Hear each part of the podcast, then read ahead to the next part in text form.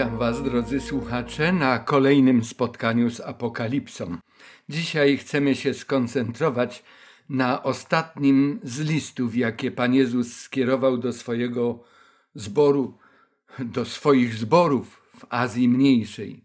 Przedtem jednak zapraszam Was do wspólnej modlitwy, do prośby do Boga o właściwe zrozumienie przesłania zawartego w tym ostatnim liście. Ojcze nasz niebieski, w imieniu Jezusa Chrystusa przychodzimy przed Twój święty tron, aby Ci podziękować za nasze życie, za błogosławieństwa, których doznajemy codziennie z Twojej łaskawej dłoni, również i za to, że dzisiaj możemy się spotkać znowu ze słuchaczami i czytać Twoje słowo, zastanawiać się nad nim. Jest to szczególne przesłanie.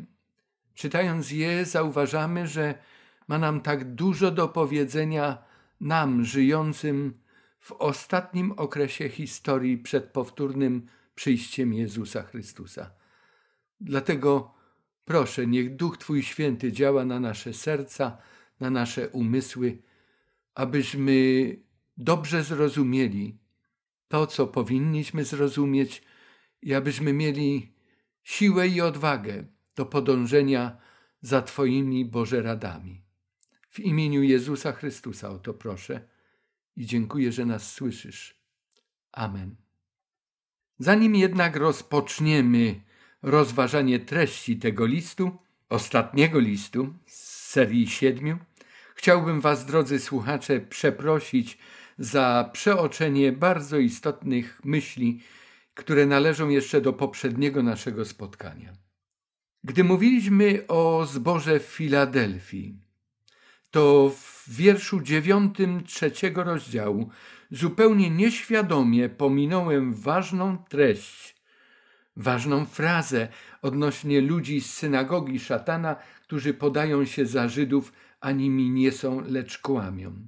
Śpieszę więc z wyjaśnieniem tej kwestii i na tym kolejnym ekranie już widzimy ten tekst. Cytuję go. Oto sprawie, że ci z synagogi szatana, którzy podają się za Żydów, a nimi nie są, lecz kłamią, oto sprawie, że będą musieli przyjść i pokłonić się Tobie do nóg i poznają, że ja Ciebie umiłowałem. Żydzi, którzy podają się za Żydów, a nimi nie są, lecz kłamią. O co chodzi?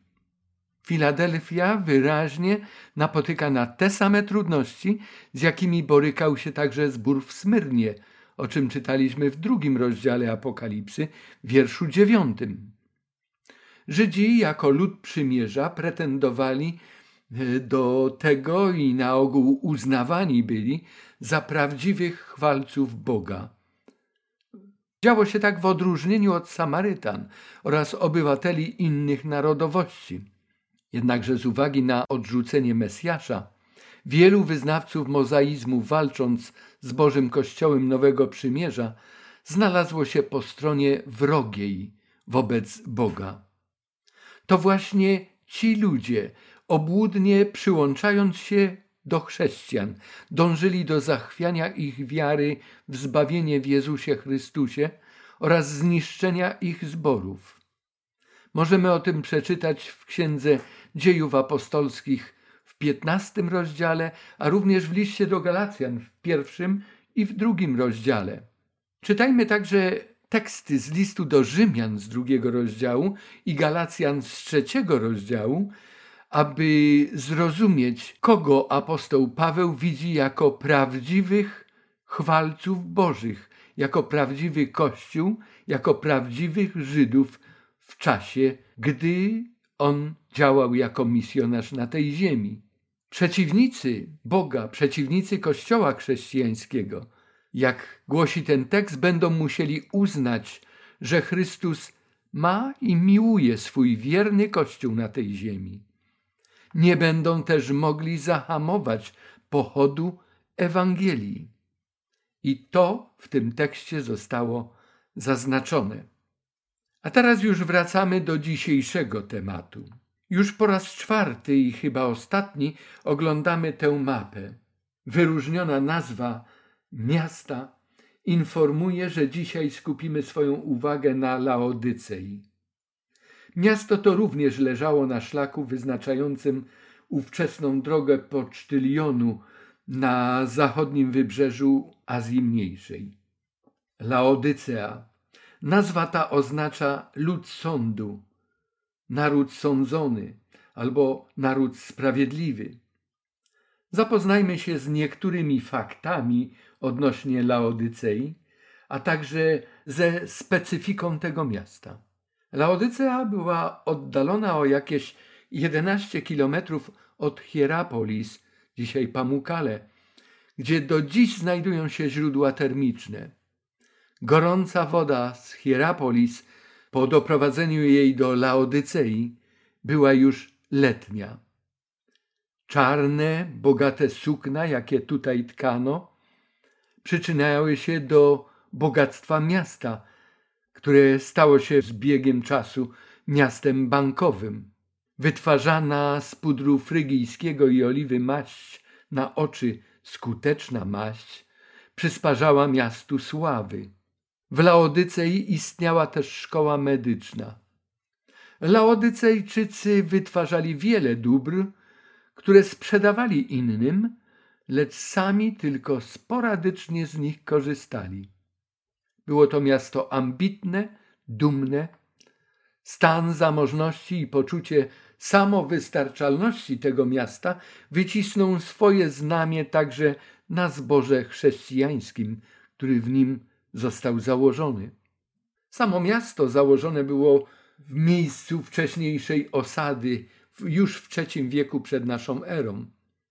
Założył je Antioch II, król z dynastii Seleucydów, Największy rozkwit dla Odycei przypada jednak na okres rzymski. Wtedy to miasto wzbogaciło się głównie dzięki produkcji wełny.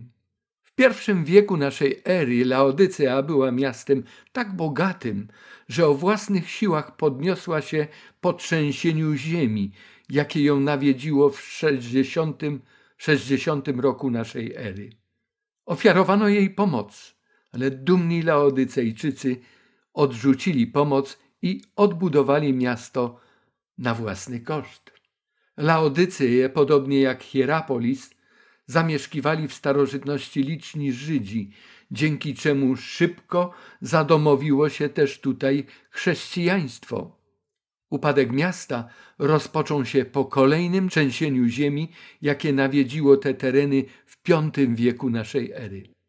A teraz popatrzmy na niektóre wykopaliska. Najwcześniej odkryte tereny, pozostałości wspaniałych pałaców i świątyń, teatr i hipodron w Laodycei, rura wodociągu i w oddali około 11 kilometrów Hierapolis, tam gdzie u góry jest ta strzałka w dół, i zaraz zobaczymy w zbliżeniu te jasne tereny. Oto widokówki z Hierapolis, z Pamukale. Ogólny widok Hierapolis, źródła termiczne w Pamukale, dawnym Hierapolis. Mnóstwo turystów z całego świata przyjeżdża, aby tutaj przyjemnie spędzać czas. A teraz przeczytajmy w całości list skierowany do zboru w Laodycei. To mówi ten, który jest Amen, świadek wierny i prawdziwy, początek stworzenia Bożego. Znam uczynki Twoje, żeś ani zimny, ani gorący.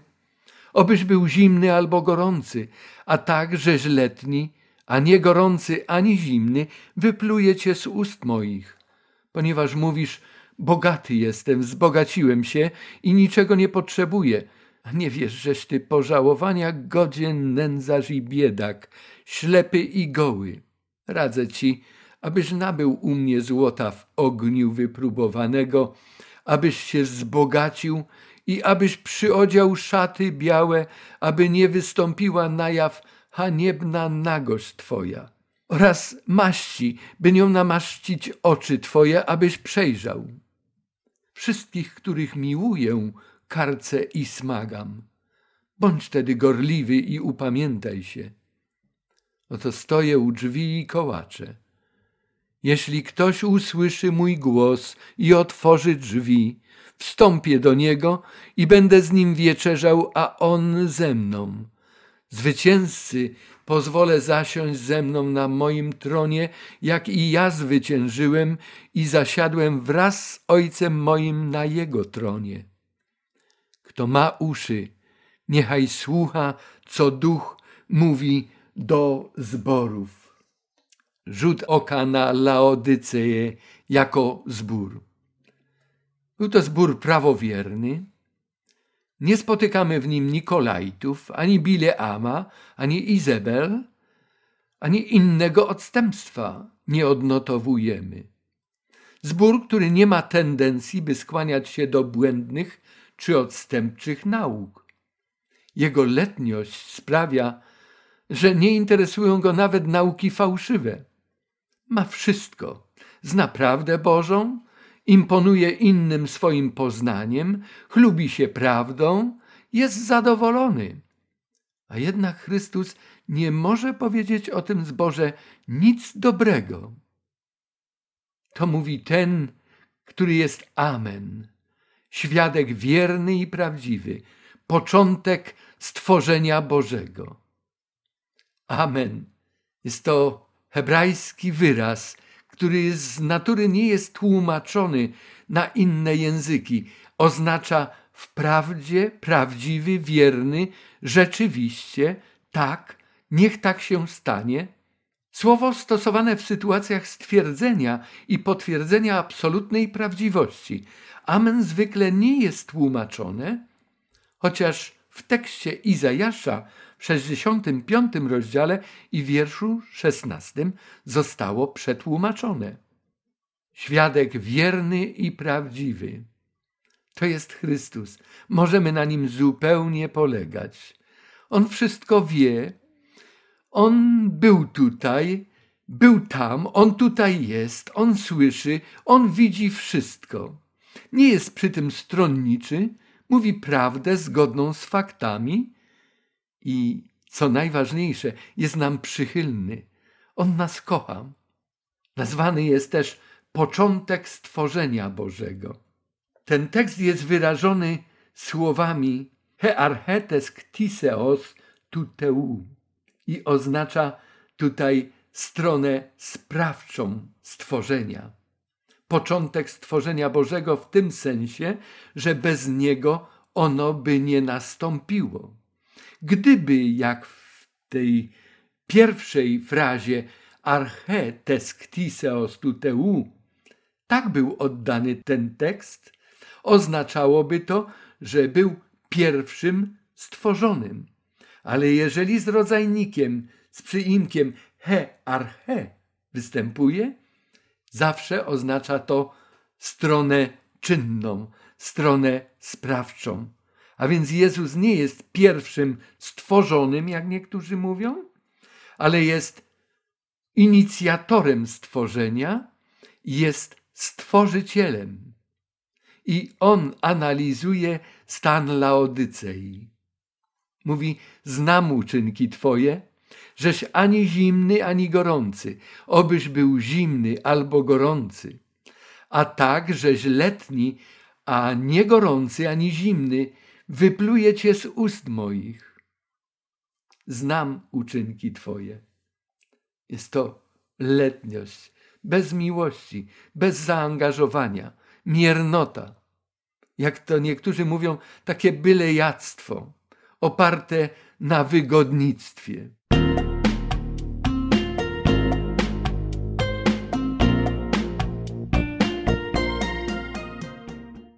Tłem tutaj jest to geograficzne położenie Laodycei pomiędzy Hierapolis a Kolosami. Gorące źródła wód z Hierapolis przepływały do Laodycei, ale w tej linii przesyłowej ta gorąca woda traciła temperaturę. Ten strumień w Laodycei już był letni. W Kolosach woda już była zupełnie zimna wypluje cię z ust moich. Y, po grecku wypluje albo pluje znaczy ptyło i wynika to z aktu woli. Chcę pluć i pluję. W oryginale nie ma ptyło, jest emesai od emeo, co oznacza wymiotuje. Jest to zwrócona uwaga na torsję. Torsję, o której rzadko decydujemy, że ona nastąpi.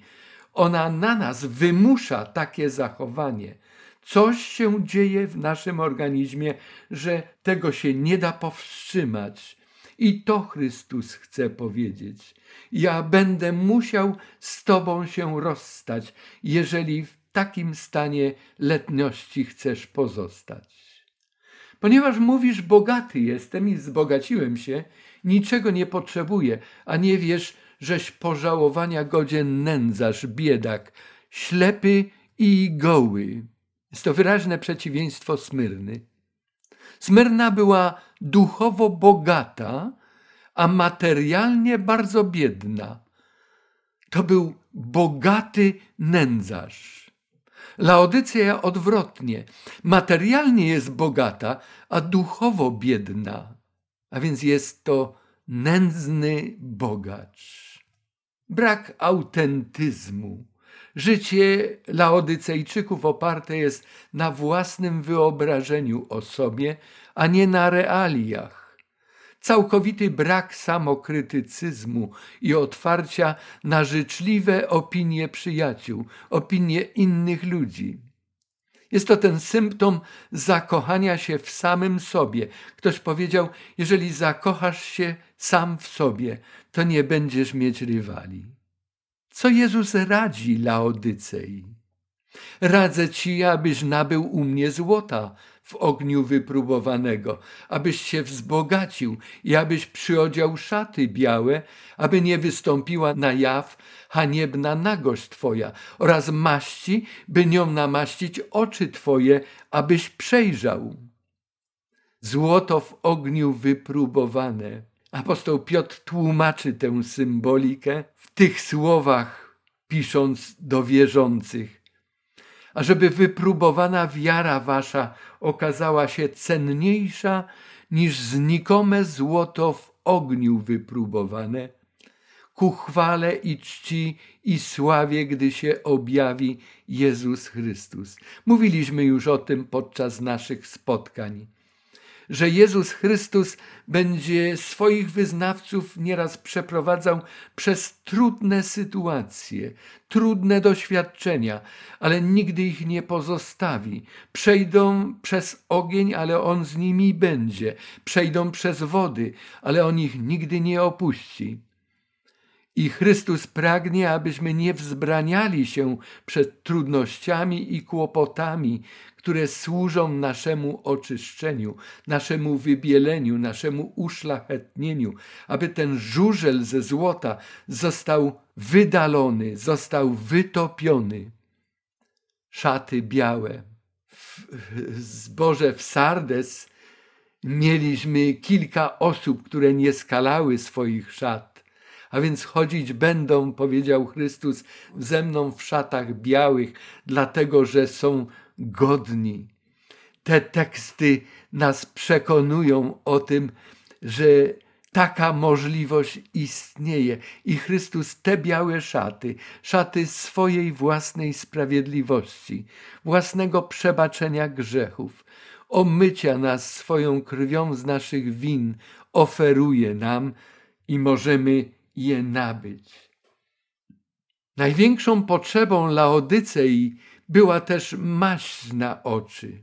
W ten sposób mieli zdobyć możliwość i konieczność zobaczenia samego siebie, a tego może dokonać dla nas jedynie Duch Święty. Apostoł Jan w swojej Ewangelii odnotował słowa Jezusa Chrystusa odnośnie Ducha Świętego. Powiedział, gdy przyjdzie Duch Święty, to On przekona ludzi o grzechu, sprawiedliwości i o sądzie. Tego brak było Laodycejczykom. Oni produkowali maść na oczy, sprzedawali ją innym. Ta maść pomagała im, ale sami z niej nie korzystali. To jest ciekawe, że my jako chrześcijanie potrafimy innym doradzać, innym przekazać Ewangelię, a sami nie pozwalamy, by moc tej Ewangelii zmieniała nas. Chrystus mówi: Wszystkich, których miłuję, karcę i smagam. Bądź wtedy gorliwy i upamiętaj się. Nieraz myślimy, gdy przychodzą kłopoty i trudności, to chyba Bóg o nas zapomniał. Chrystus mówi nie, właśnie jest to dowód mojej miłości do Ciebie, że Cię karcę i smagam. Mnie zależy na Tobie. Chcę, abyś się zmienił. Nie chcę, abyś rozminął się ze zbawieniem. Na temat miłości i dyscypliny Chrystus rozmawiał tylko z dwoma zborami w Efezie i w Laodycei. Salomon już napisał, że razy przyjaciela są oznaką jego wierności. Natomiast pocałunki wroga są zwodnicze, są obłudne. Potrzebujemy gorliwości w wierze, potrzebujemy upamiętania się, potrzebujemy radykalnej zmiany w sposobie myślenia, ale również w stylu życia naszego. Oto stoję u drzwi i kołaczę, mówi Jezus. Jeśli ktoś usłyszy głos mój i otworzy drzwi, wstąpię do niego i będę z nim wieczerzał, a on ze mną. Zamknięte drzwi zboru serca człowieka na zbawienie. Zamknięte drzwi możliwości działania, o czym mówiliśmy, gdy omawialiśmy poselstwo do Filadelfii. Ale Chrystus mówi, że te drzwi są otwarte z Jego strony. A jak to jest z naszej strony? Jeżeli Laodycea pozwoli Chrystusowi wejść, jeżeli zapragnie Jego stałej obecności, będzie uratowana. Laodycea sama dla siebie zamknęła drzwi zbawienia. Starotestamentowe tło tej sytuacji, takiego położenia znajdujemy w pieśni nad pieśniami. W tym poemacie oblubienica mówi: Ja spałam, lecz moje serce czuwało. Słuchaj, to mój miły puka. Otwórz mi, moja siostro, moja przyjaciółko, moja gołąbko bez skazy, gdyż moja głowa pełna jest rosy, moje kędziory pełne wilgoci nocnej. Zdjęłam już moją suknię, jakże więc mam ją znowu przyoblec?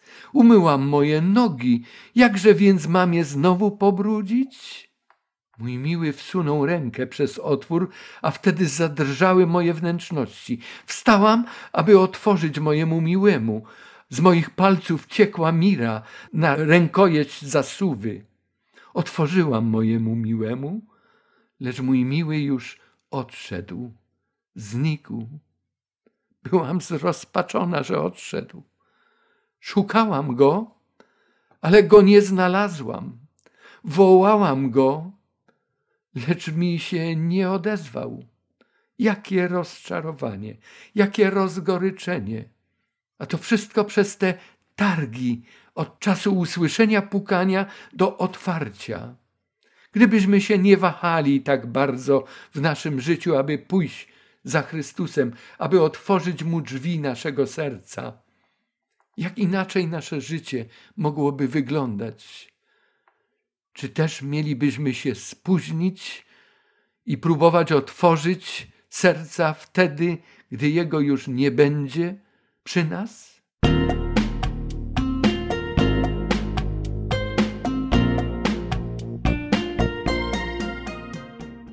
Zwycięzcy, mówi Chrystus, pozwolę zasiąść ze mną na moim tronie, jak i ja zwyciężyłem i zasiadłem wraz z Ojcem moim na Jego tronie. Jest to najwspanialsza obietnica. Jest to suma wszystkich obietnic skierowanych do wszystkich zborów razem wziętych. Każdy, kto zbłądził w swoim życiu, kto zrozumiał jednak, że jest daleko od Boga, czuje się niegodny, niegodny Jego miłości i łaski. Jeśli tylko pozwoli Jezusowi zamieszkać w swoim życiu, może doznać całkowitej przemiany i odebrać nagrodę, nagrodę życia wiecznego. Kto ma uszy, niechaj słucha, mówi Chrystus. Niechaj słucha, co Duch mówi do zborów. Gdyby Laodycea słuchała tego, co mówi Duch, nie miałaby tych wszystkich niepotrzebnych kłopotów. Nie byłoby u niej tego duchowego ubóstwa, braku zrozumienia swego stanu, narażenia się na różne niebezpieczeństwa i utrata szansy. Gdyby Laodycea słuchała tego, co mówi duch, miałaby zwycięstwo, byłaby autentyczna. Wszechmogący Pan otworzył moje ucho, czytamy w księdze Izajasza proroka. A ja się nie sprzeciwiłem, ani się nie cofnąłem. To Bóg spowoduje, że będziemy w stanie usłyszeć Jego głos, ale gdy usłyszymy, decyzja o reagowaniu na ten głos należy tylko do nas. Jeżeli nie pójdziemy z Nim do przodu, zaczniemy się cofać. Jakie praktyczne rady na co dzień wynikają z poselstwa do Laodycei? Gdy wszystko się wali w życiu, wracaj do podstaw. A podstawami jest wiara, nadzieja, miłość, szczerość, uczciwość. Przebywaj w towarzystwie ludzi wiary. Często przypominaj sobie obietnice Chrystusa. Bądź czujny, bądź samokrytyczny. Módl się szczerze. Rozmawiaj o swojej codzienności z Bogiem jak z przyjacielem. Proś o poznanie prawdy. Proś o umiejętność poznawania samego siebie. Czytaj Biblię. Czytaj opisy zwycięstw ludzi Bożych. Oni też często błądzili. Byli grzeszni, byli tak grzeszni jak ty. Takim był Mojżesz, takim był Dawid, Paweł, Piotr. Warto pamiętać o tym, że prawdziwi ludzie mają prawdziwe walki i zmagania. Prawdziwi ludzie nie uciekają od odpowiedzialności. Prawdziwie walczący ludzie odnoszą zwycięstwo. Miej przyjaciół, którzy będą z tobą szczerzy. Czasem będzie to bolało, ale pamiętaj, że ta ich szczerość wyrasta z miłości i troski o Twoje zbawienie. To może boleć, ale później następuje ulga, radość i błogosławieństwo. Pamiętaj, że wiedza i ortodoksja nie mogą zastąpić społeczności z Bogiem. Możesz być człowiekiem bardzo religijnym, znać i wykonywać wszystkie zalecenia kościelne czy jakiekolwiek inne, nawet Boże. Ale jeżeli nie masz z Nim żywego związku na co dzień, to to jest wszystko sztuczne i martwe. Jezus pragnie z nami takiej społeczności, jaka istnieje pomiędzy dobrymi współmałżonkami. A takiej miłości nie da się wypracować ani nauczyć. Ona wypływa z wnętrza tych ludzi, których dotyczy, którzy jej doświadczają. Odwrócenie się od tej miłości przysparza wielu cierpień, a w konsekwencji prowadzi do zakłamania samego siebie, do rozmijania się z rzeczywistością i w efekcie rozminięcia się ze zbawieniem. Chrystus mówi: Oto stoję u drzwi i pukam. Jeśli ktoś usłyszy głos mój i otworzy drzwi, wstąpię do niego i będę z nim wieczerzał, a on ze mną. Istnieje opowiadanie o malarzu, który wykonał to dzieło, ten portret namalował. Chrystus stoi u drzwi i puka. I jego przyjaciel, wtedy właśnie, gdy obraz był przedstawiany wobec wszystkich znawców malarstwa, cały czas był spięty, zestresowany i gdy wszyscy już odeszli, opinie wszystkich były pozytywne, on powiedział, a ja tak drżałem, że ty przedstawiłeś im obraz drzwi, które nie mają klamki. Przecież ty nie dokończyłeś tego obrazu. Jak mogłeś to zrobić? Dobrze, że nikt tego nie zauważył. A wtedy artysta uśmiechnął się i powiedział: Naprawdę to ty nie zrozumiałeś metafory tego malowidła. Klamka od tych drzwi jest od wewnątrz, nie ma jej na zewnątrz. Można pukać i być wpuszczonym przez właściciela tego mieszkania, tego serca, do którego puka Chrystus. Drogi słuchaczu, słyszysz to pukanie Jezusa Chrystusa? Jak długo pozwolisz na dworze mu stać? On pragnie wejść w Twoje serce.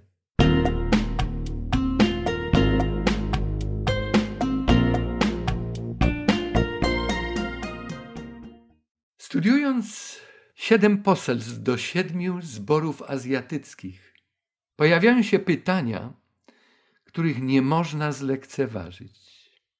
Jest ich wiele, ale dla przykładu podam tylko trzy. Czy listy do siedmiu zborów w Azji Mniejszej dotyczą wyłącznie ich sytuacji w danych miejscowościach, do której adresowane są listy, i wtedy w pierwszym wieku? Czy te listy mają także jakieś przesłanie dla chrześcijan żyjących w innych miejscach i w innym czasie? Czy przynależność do określonego zboru jest zależna od czasu, kiedy żyjesz na tej ziemi? Filip Schaff, o którym mówiliśmy kilka spotkań wcześniej, był historykiem Kościoła i przyglądając się historii Kościoła, widział wyraźny podział tego okresu historycznego na siedem podstawowych okresów. Okres apostolski, okres prześladowań i problemów Kościoła, okres kompromisu z państwem, okres średniowiecza, tego ciemnego średniowiecza, okres reformacji, okres protestanckiej ortodoksji, gdzie kładziono duży nacisk na doktrynę z pominięciem miłości i praktycznego chrześcijaństwa, okres wreszcie niewiary i ogólnoświatowej misji. Jak więc interpretować listy? Zastanawiając się nad zawartością ich, zastanowimy się też nad możliwością odniesienia ich treści do historii Kościoła, o czym pisał Szaf. Istnieją dowody świadczące o tym, że charakterystyka siedmiu zborów dość dokładnie przystaje do okresów, na jakie Filip Szaf podzielił historię Kościoła. I właśnie tak ona się kształtowała, w tej kolejności, jak występują te listy. Zastanowimy się też nad wnioskami, jakie wypływają z tych faktów. Czy Bóg, wybierając siedem zborów, i szeregując je w takim, a nie innym porządku, zawarł w tym tekście scenariusz wydarzeń, jakie następować będą w Kościele na ziemi od w niebo wstąpienia Pana Jezusa, aż do Jego chwalebnego powrotu? I jeszcze jedno w tym temacie. Laodycea wydaje się być kościołem w ostatnim czasie historii tej ziemi. W ostatnim wezwaniu do swojego kościoła, w czasie szóstej plagi, Bóg posługuje się treściami niemal takimi samymi, jakie umieścił w liście do Laodycei. W trzecim rozdziale Apokalipsy w tym właśnie liście do Laodycei czytamy, ponieważ mówisz, bogaty jestem, wzbogaciłem się i niczego nie potrzebuję, a nie wiesz, żeś ty pożałowania godzien, nędzarz, biedak, ślepy i goły. radzę ci, abyś nabył u mnie złota w ogniu wypróbowanego, abyś się wzbogacił i abyś przyodział szaty białe, aby nie wystąpiła na jaw haniebna nagość Twoja oraz maści, by nią namaścić oczy Twoje, abyś przejrzał. Przeczytajmy i porównajmy to poselstwo do Laodycei z innym poselstwem skierowanym do Kościoła w czasie plag. Oto przychodzę jako złodziej, mówi Chrystus. Błogosławiony ten, który czuwa i pilnuje szat swoich, aby nie chodzić nago i aby nie widziano sromoty jego. Popatrzmy, że te same akcenty mamy w siódmym liście do siódmego zboru i te same akcenty mamy już po zakończeniu czasu łaski, o czym będziemy mówili w przyszłości w Apokalipsie. Chrystus zwraca uwagę na potrzebę szat. Jak więc należałoby interpretować poselstwo Jezusa do nowotestamentalnego Kościoła? Co wynika z konfrontacji treści listów do siedmiu zborów z rzeczywistością nawet naszego własnego doświadczenia i życia, a także z historią chrześcijańskiego Kościoła w ogóle? Poniższe zestawienie jest próbą wyrażenia sumy naszych rozważań w kwestii zastosowania oraz interpretacji treści siedmiu listów. Kto ma uszy, niechaj słucha, co duch mówi do zborów. Do zborów w Efezie, w Smyrnie, w Pergamie, w Tyjatyrze, w Sardes, Filadelfii i Laodycei. Czy to oznacza uniwersalność treści wszystkich poselstw dla każdego z tych siedmiu wymienionych zborów? Jeden list jest zaadresowany do danego zboru, ale ten zbór ma przeczytać pozostałe listy i takie odniesienie jest i taka rada jest dana każdemu zborowi. A może poselstwo do siedmiu zborów zawiera w sobie jeszcze jakieś inne może nawet ważniejsze przesłania? Zwróćmy uwagę na ten równoległy, lokalny układ zborów w Azji Mniejszej. Po lewej stronie mamy je, każdy w innym kolorze, pokazane od Efezu poprzez Smyrnę, Pergam, Tyjatyrę, Sardes, Filadelfię, aż do Laodycei. One wszystkie równocześnie istnieją.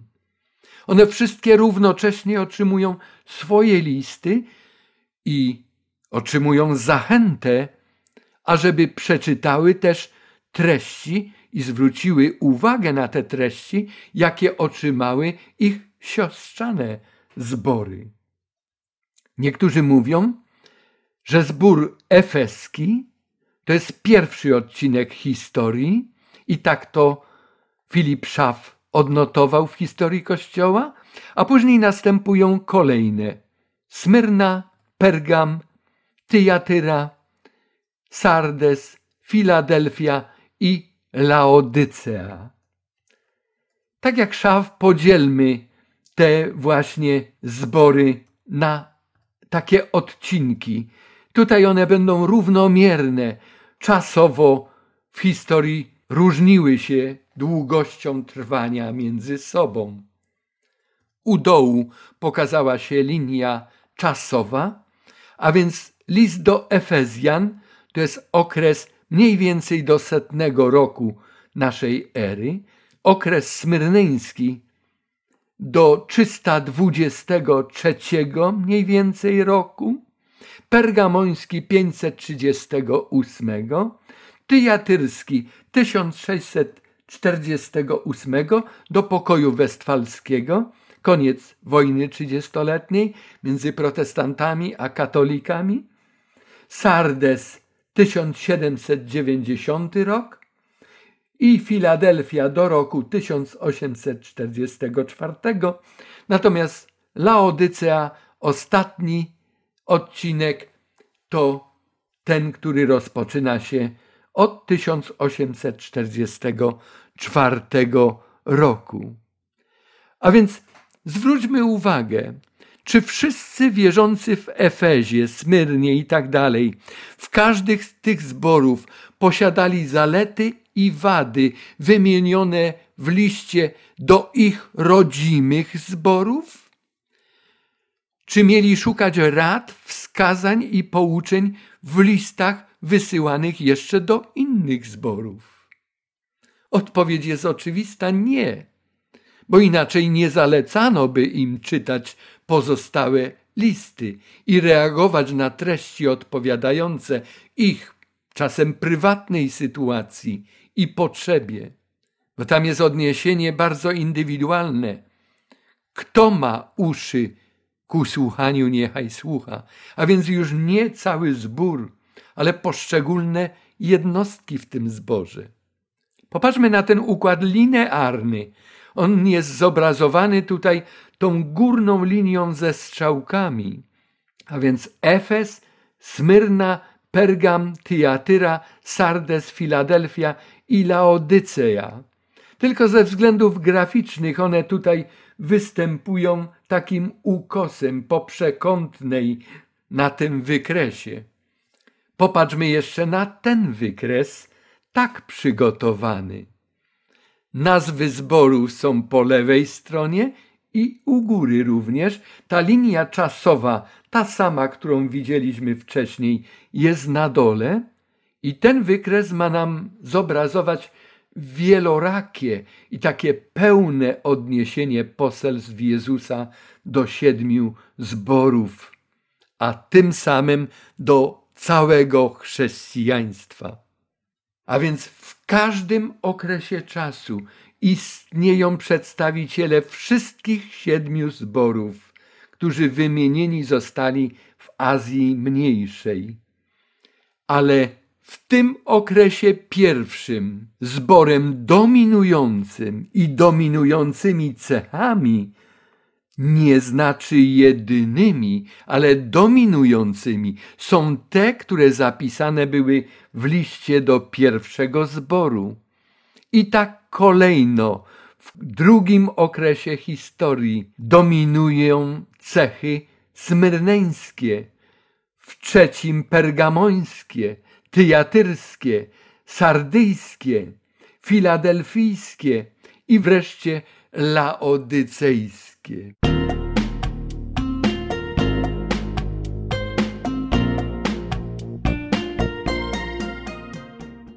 Wobec tego, jak należałoby rozumieć i interpretować poselstwo płynące dla chrześcijan w całej historii Kościoła?